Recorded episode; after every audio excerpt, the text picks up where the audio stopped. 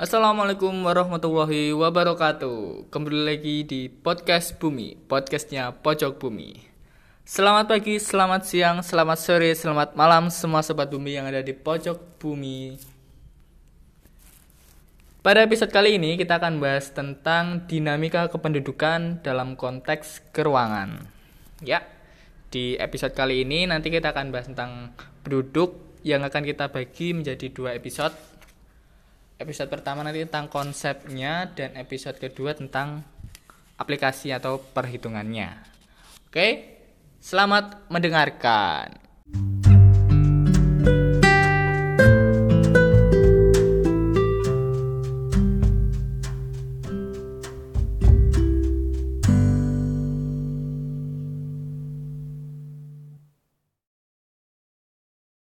Oke teman-teman, Kali ini kita akan bahas tentang penduduk. Apa sih arti atau definisi dari penduduk itu? Jadi, penduduk itu didefinisikan sebagai seseorang yang telah tinggal di suatu wilayah tertentu dalam kurun waktu yang lama dan tercatat sebagai warga dalam data kependudukan di wilayah tersebut karena menetap. Jadi, seseorang yang tinggal di suatu wilayah dan waktunya lama kemudian tercatat sebagai warga dalam data kependudukan serta menetap itu disebut penduduk. Lantas kalau tidak menetap itu disebut apa? Bisa saja disebut sebagai pengelaju atau komuter. Nah, dalam penduduk ini banyak sekali tokoh-tokoh atau demograf-demograf yang membahas tentang kependudukan atau penduduk. Salah satunya adalah Thomas Malthus pada tahun 1798 yang mengejutkan dunia dengan karyanya melalui Asian Principle of Population as it affect the future improvement of society with mark on the speculation of Mr. Godwin di mana inti dari pernyataan pada karyanya bahwa penduduk seperti juga hewan dan juga tumbuhan itu tidak jika tidak ada batasan untuk berkembang biak maka akan dengan sangat cepat memenuhi permukaan bumi teman-teman karena menurut Malthus, penduduk itu atau pertumbuhan penduduk itu berlangsung dengan deret ukur. Jadi deretnya itu satu, kemudian dua, kemudian empat, enam, delapan, dan seterusnya. Sedangkan pertumbuhan produksi pangan itu sendiri berlangsung dengan deret hitung, yaitu satu, dua, tiga, empat, lima, dan seterusnya. Nah, kan berbeda tuh antara deret hitung dan deret ukur.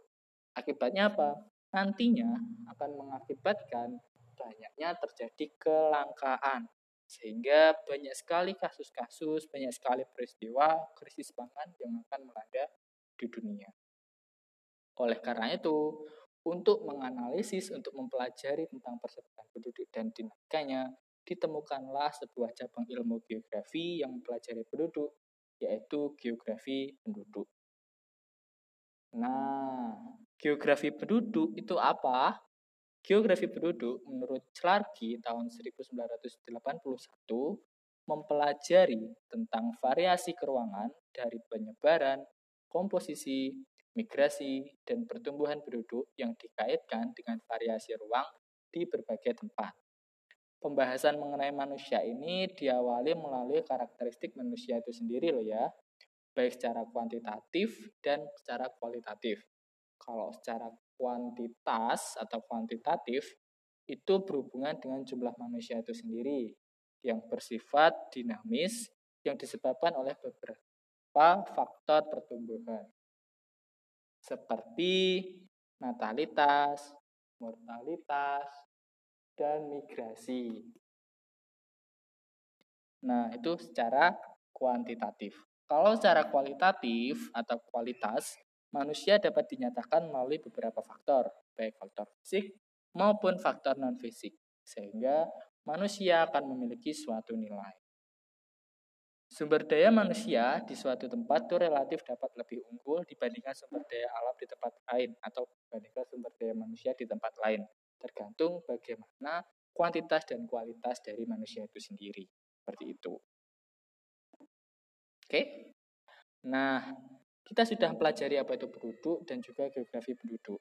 Kemudian dalam perkembangannya keilmuan tentang penduduk ini disebut sebagai ilmu demografi, di mana kependudukan atau demografi ini dikaji dalam beberapa definisi menurut para ahli. Seperti yang pertama ada menurut Acil Guillard, di mana beliau pertama kali memakai istilah demografi pada bukunya yang berjudul Elements in the Statistic Humani and Demographic Compares tahun 1885